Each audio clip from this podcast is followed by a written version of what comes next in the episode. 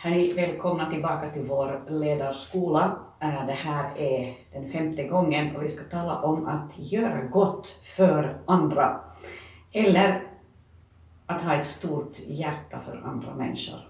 Och det kanske inte låter som en sån här effektiv ledares viktigaste egenskap, men det är någonting som kanske skiljer ähm, ledare i församlingen från Äh, effektiva ledare ute i samhället. Inte nödvändigtvis, men det kan vara så. Vår kallelse som kristna ledare är att kontinuerligt göra gott för andra människor och ha ett stort hjärta för människor.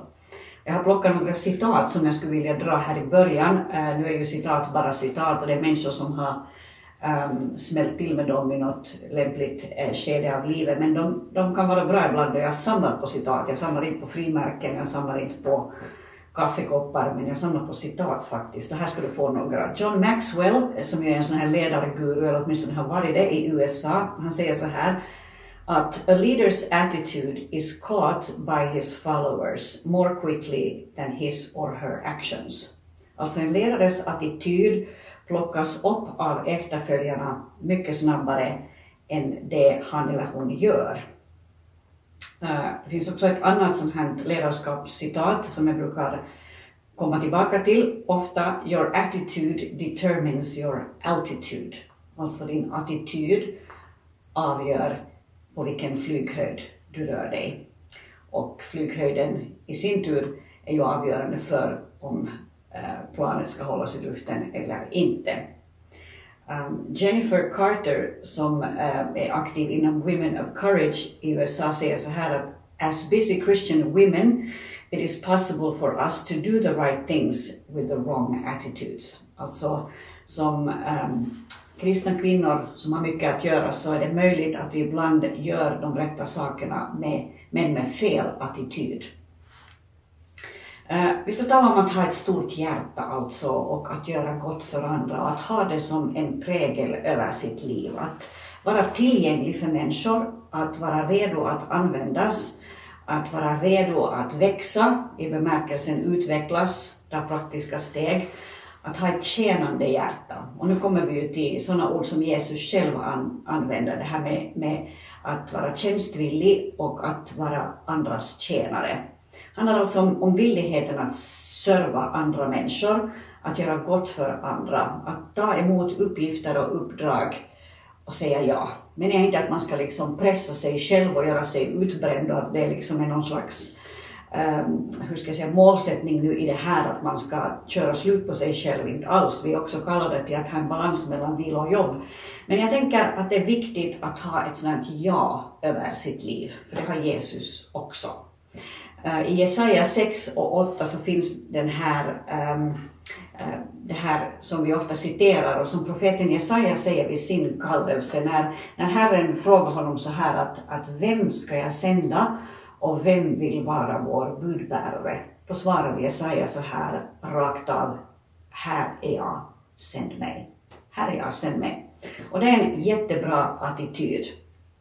Och ehm, i eh, Johannes 13, som jag ska läsa alldeles strax, så ger Jesus ett sånt här superexempel på det här med att tjäna andra och att liksom komma nerifrån, att göra allt för andra människor. Han tvättar nämligen lärjungarnas fötter där och jag ska läsa det här sammanhanget. Det är faktiskt hela 17 verser, men jag vill dra alltihopa för du får mycket genom det här. Det var strax före påskhögtiden. Jesus visste att hans stund hade kommit, han skulle lämna denna värld och gå till Fadern. Han hade älskat sina egna här i världen och han älskade dem in i det sista. Notera, han älskade dem in i det sista. Det åt kvällsmåltiden och djävulen hade redan ingett Judas, Simon Iskariots son, tanken att förråda honom. Jesus visste att Fadern hade gett allt i hans händer, att han utgått från Gud och skulle gå till Gud. Han reste sig från bordet, lade av sig manteln och tog en linnehandduk som han knöt om sig. Sen hällde han vatten i ett tvättfat och började tvätta lärjungarnas fötter och torka dem med handduken som han hade runt midjan. När han kom till Simon Petrus sade denne till honom, Herre, ska du tvätta mina fötter? Jesus svarade, vad jag gör förstår du inte nu, men längre fram kommer du att förstå det. Petrus sade, aldrig någonsin ska du tvätta mina fötter. Jesus sa, Om jag inte får tvätta dig har du ingen del i mig. Simon Petrus sade, Herre, inte bara mina fötter utan också händerna och huvudet. Jesus svarade, den som har badat behöver sen bara tvätta fötterna, han är helt och hållet ren. Och ni är rena, fast inte alla. Han visste vem som skulle förråda honom, därför sa han att inte alla var rena. När han sen hade tvättat deras fötter och tagit på sig manteln och lagt sig till bords igen, sa han till dem, förstår ni vad jag har gjort med er? Ni kallar mig mästare och herre och det med rätta, för det är jag. Om nu jag, er herre och mästare, har tvättat era fötter, så är också ni skyldiga att tvätta varandras fötter. Jag har gett er ett exempel för att ni ska göra som jag har gjort mot er. Jag säger er sanningen, tjänaren är inte större än sin herre och budbäraren är inte större än den som har sänt honom. När ni vet detta, saliga är ni om ni också gör det. Um, Jesus visar sin ödmjukhet inför människor i det han gör här. Och det är vi också kallade att göra som ledare. I skaran som sitter där kring bordet så har han en frimodig fegis, Petrus, som eh, först säger att nej, nej, nej, det här ska du inte göra för mig. Eh, som sen vill ha hela kroppen tvättad i praktiken. Och som snart när Jesus eh, blir eh, fångad eller tillfångatagen så, så Eh, Petrus den som förnekar sin, sin mästare, sin Jesus.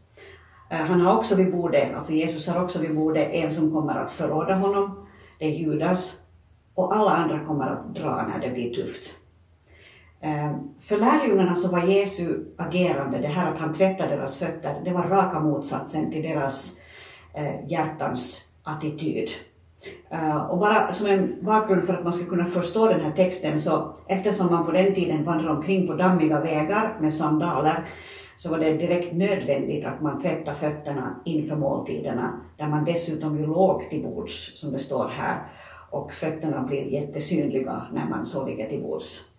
Och när Jesus gör det här, när han börjar med att tvätta deras fötter så visar han att hans kallelse är att komma för att tjäna. Han kommer för att ge sig själv för dem. Och det här har inte på något sätt ändrat i den kristna församlingen. En kristen människa, en ledare, och det gäller oss alla oavsett vilken roll vi har i församlingen. Eh, vi är här för att tjäna varandra. Inte bara tjäna i församlingen, men, men i samhället. Att visa vår kärlek till den stad vi bor i genom att finnas till för att tjäna den. Uh, när Jesus tvättar fötterna så tvättar han det smutsigaste på de här killarna. Han går så att säga liksom rakt på problemet, eller rakt på det värsta.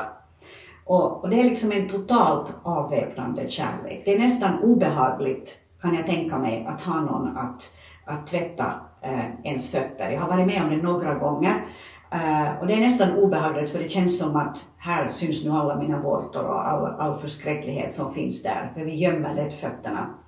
Och det här är nog en bra bild på det att Jesus vill gå och behöver få gå rakt på det som är det absolut värsta i vårt liv. Det som är det smutsigaste, det som är det tuffaste, det som vi känns allra mest över. Också som ledare. Uh, och uh, det finns två saker i den här texten som jag skulle så här avslutningsvis vilja liksom trycka på. Eh, det är det, är det att han, han Jesus eh, visar genom det han gör eh, här att han gör någonting utan att förvänta att få någonting igen. Som tjänare så är han bara där för att leverera i de här människornas liv. Och det är på samma sätt för oss som kristna ledare. Eh, vi gör inte det vi gör och vi är kallade att göra det vi, det vi ska göra med den attityden att vi inte förväntar att liksom få någonting igen. Att vi sår ut, men vi är inte ute efter att människor ska liksom betala tillbaka genom att bli någon slags idoler eh, eller, eller, eller följa oss så här liksom, eh, ex, exemplariskt, utan vi är här för att ge av oss själva, att ge av det som finns i vårt liv utan att förvänta att få någonting igen. Jag ska läsa alldeles strax en, en, en text från Lukas 6 som säger något kring det här. Och när vi, när vi tjänar andra människor, så för det andra så uttrycker vi någonting av Faderns eget hjärta, av Gud Faders eget hjärta. Vi uttrycker äh, detta att, att äh, han har kommit för att ge av sin kärlek till oss och vi har kommit för att ge av Faderns kärlek in i människors liv. Eh, och jag läser från Lukas 6 här i slutet, eh, vers 27 till 36, där det står så här om samma sak, om att komma nerifrån och att betjäna. Det står så här, Lukas 6, 27. Till er som lyssnar säger jag, älska era fiender och gör gott mot dem som hatar er. Välsigna dem som förbannar er och be för dem som förolämpar er. Om någon slår dig på den ena kinden, vänd då också andra kinden till. Om någon tar ifrån dig manteln, så låt honom ta tunikan också. Ge åt alla som ber dig, och om det är någon som tar det som är ditt, så kräv det inte tillbaka. Så som ni vill att människorna ska göra mot er, så ska ni göra mot dem. Om ni älskar dem som älskar er, ska ni ha tack för det. Även syndare älskar dem som, um, så visar dem kärlek. Och om ni gör gott mot dem som gör gott mot er, ska ni ha tack för det. Även syndare gör samma sak. Om ni lånar ut till dem som ni hoppas ska ge tillbaka, ska ni ha tack för det. Även syndare lånar ut till syndare för att få lika tillbaka. Nej, älska era fiender och gör gott, låna ut utan att hoppas att få något igen. Då ska er lön bli stor och ni ska bli den Högstes barn, för han är god mot de otacksamma och onda. Var barmhärtiga så som er far är barmhärtig. Så det vi ser i den här texten från Lukas 6, det är att dels att vi gör saker för andra människor eller är kallade att göra saker för andra människor utan att förvänta att få någonting igen. Och vi uttrycker Faderns hjärta, han som liksom ger utan, eh, utan uppehåll eller liksom utan begränsning. Eh, och det, det, är den eh, role model, den förebild som, som Jesus har gett oss. Och som ledare så är vi kallade att vandra i den generositeten och att vandra med det stora hjärtat. Eh, så jag vill uppmuntra dig genom det här och jag vill liksom på något sätt rikta blicken högt när det gäller kallelsen. Vi är kallade att representera ett annorlunda ledarskap och vi är här för att tjäna. Gud välsigne dig i din uppgift.